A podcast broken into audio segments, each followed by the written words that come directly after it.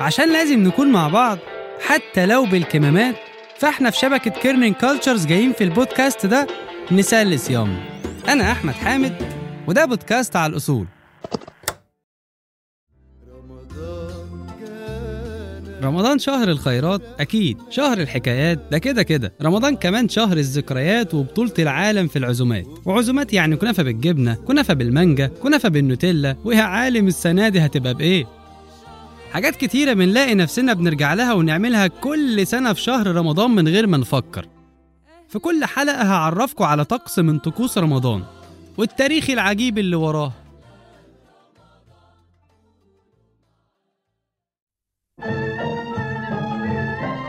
في الحلقة الأولى هنتكلم عن أول طقس من طقوس رمضان. الطقس اللي بيبدأ في آخر أسبوعين من شهر شعبان. وبالرغم من إن رمضان له أغاني كتيرة ما تتعدش إلا إن دي تحديدا تعتبر النشيد الوطني لشهر رمضان. رمضان جانا وفرحنا بعد غيابه وبقاله زمان خلوه في المرحلة دي بتبدأ تسمع الأغنية في كل مكان حواليك. في البيت في الشارع في أوضة الأطفال في الصحراء. لدرجة تخليك تحس إنها شغالة في الجو كده لوحدها.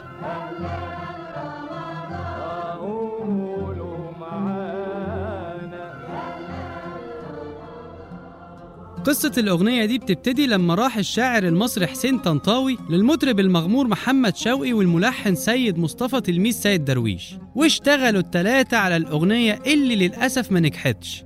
فزي ما تقول كده حسين طنطاوي صعبت عليه الأغنية. فراح للملحن الإسكندراني المعروف محمود الشريف واللي تقدر تقول كان راكب الترند ساعتها بحكم شغله مع عبد الحليم حافظ وشادية ونجاة الصغيرة وغيرهم. وافق الملحن محمود الشريف وقال لهم طب هنعمل إيه ونروح لمين؟ هو مفيش غيره اللي بيغني أغاني رمضان المطرب أحمد عبد القادر مين أحمد عبد القادر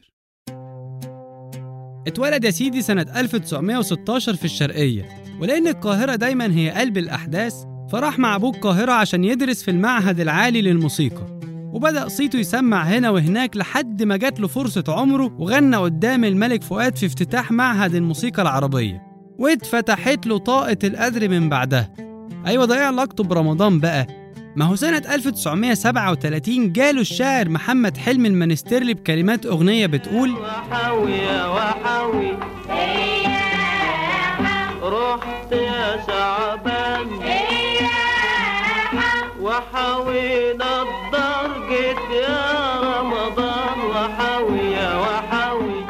عشان يشتغلوا على الأغنية وتكون أول وأقدم أغنية اتعملت لشهر رمضان. نرجع لموضوعنا. فطلع الشاعر حسين طنطاوي والملحن محمود الشريف على أحمد عبد القادر وابتدوا يسمعوه الكلام واللحن واللي أبدأ إعجابه بالموضوع لكنه للأسف رفض وقال لهم يعني هو بصراحة أنا عملت أغنية رمضان قبل كده. والمثل بيقول لك يا بخت منظر وخفف شوفوا حد تاني شوفوا حد تاني لأن كده كده الإذاعة هترفض إن أغني تاني في نفس الموضوع. نروح فين ونيجي منين؟ إيه رأيك في طلب؟ طلب اللي هو طلب؟ فطلعوا الاتنين على المطرب محمد عبد المطلب وقالوا له معانا أغنية ومعانا 20 جنيه والإذاعة المصرية مكلفانا بإنتاجها ولو وافقت ليك فيها 6 جنيه نقول مبروك. فطلب رجع لورا كده وخد نفس وقال لهم الله يا اخوالنا لولا إني مزنوق في قرشين اليومين دول ما كنتش هغنيه. وخد عبد المطلب الستة جنيه نصيبه واتذاعت الأغنية لأول مرة سنة 1965 لحد ما قرر المخرج يسري غرابة إنه يعملها فيديو كليب بيبين ملامح رمضان في القاهرة.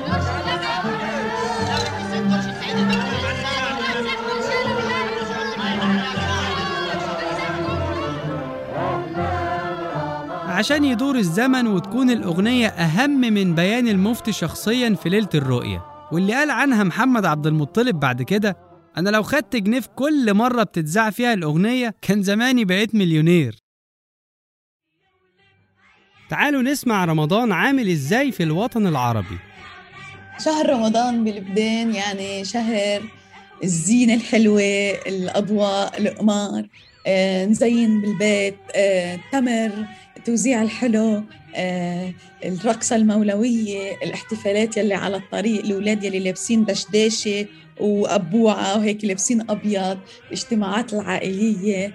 رمضان في الطفولة ديالي كان كيعني أنني نقدر نفيق ليل كامل أنا والأخ ديالي أو مع الجيران.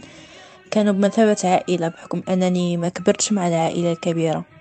هاد النقطة أيضا خلات رمضان يكون عنده قيمة خاصة بالنسبة لي. الطريقة اللي كان كيقوي العلاقات مع الجيران وكيفاش كنا كاملين بحال عائلة وحدة كبيرة. بالنسبة لنا في القدس أكثر إشي مميز برمضان هو البلدة القديمة والأقصى. وهذا الإشي اللي بحس بنحضر له يعني بننبسط لما نشوف الزينة عم تتزين في البلدة القديمة. أجواء البحرين وايد حلوة عند الإشارات قبل الأذان.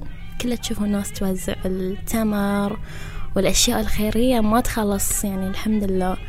أه صدق إنها تكون بسيطة لكن تكون يعني ما تنسي هاي الأشياء البسيطة.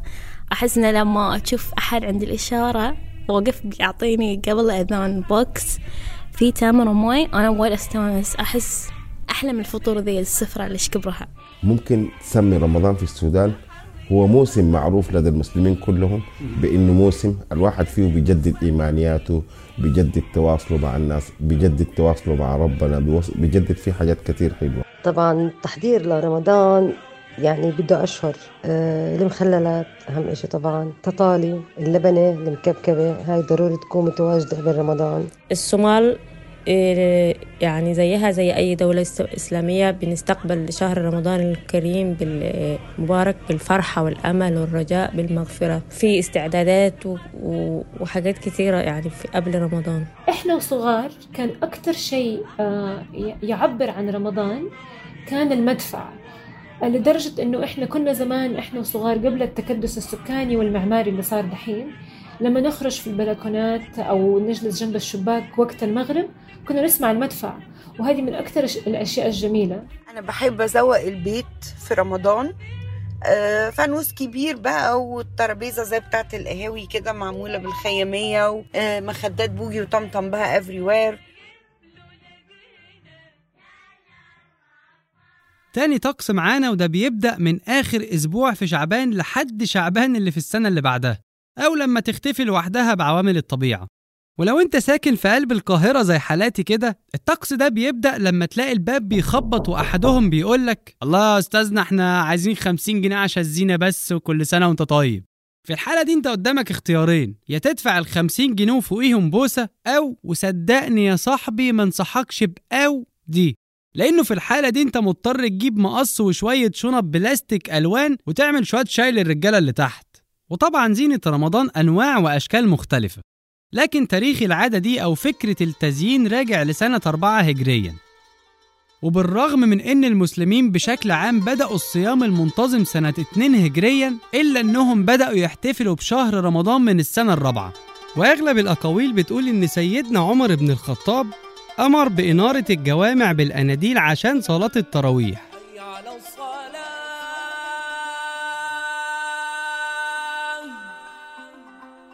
وبطبيعة الحال وارتباط الأناديل بمظاهر الاحتفال عموما أمر الخليفة المأمون في عهده العباسي إنهم يحطوا أناديل متزغرفة أكتر في الجوامع. وسيادتك بقى عارف الخليفة لما يؤمر. فكانت بتطلع ميزانية كل شهر رمضان لإصلاح وصيانة فرش وأناديل جوامع المحروسة كلها. وواحدة واحدة اتطورت زينة رمضان لحد ما خرجت من الجوامع للشوارع على إيد الفاطميين في القاهرة. والفضل في تطور الزينة راجع لخياطين مصر في العصر الفاطمي اللي كان معروف بالازدهار. وازدهار يعني تجار فالتجار العرب اللي كانوا بيجوا مصر عشان يبيعوا ويشتروا كانوا بيضطروا يسكنوا الخيم لفترة طويلة لحد ما يرجعوا. بس مع الوقت وبفعل عوامل طبيعية زي الشمس كانت الخيم بتاعتهم بتتهري. وهنا كان بيتدخل ترزية مصر عشان يرقعوا الخيم بقطع قماش صغيرة أيا كان لونها.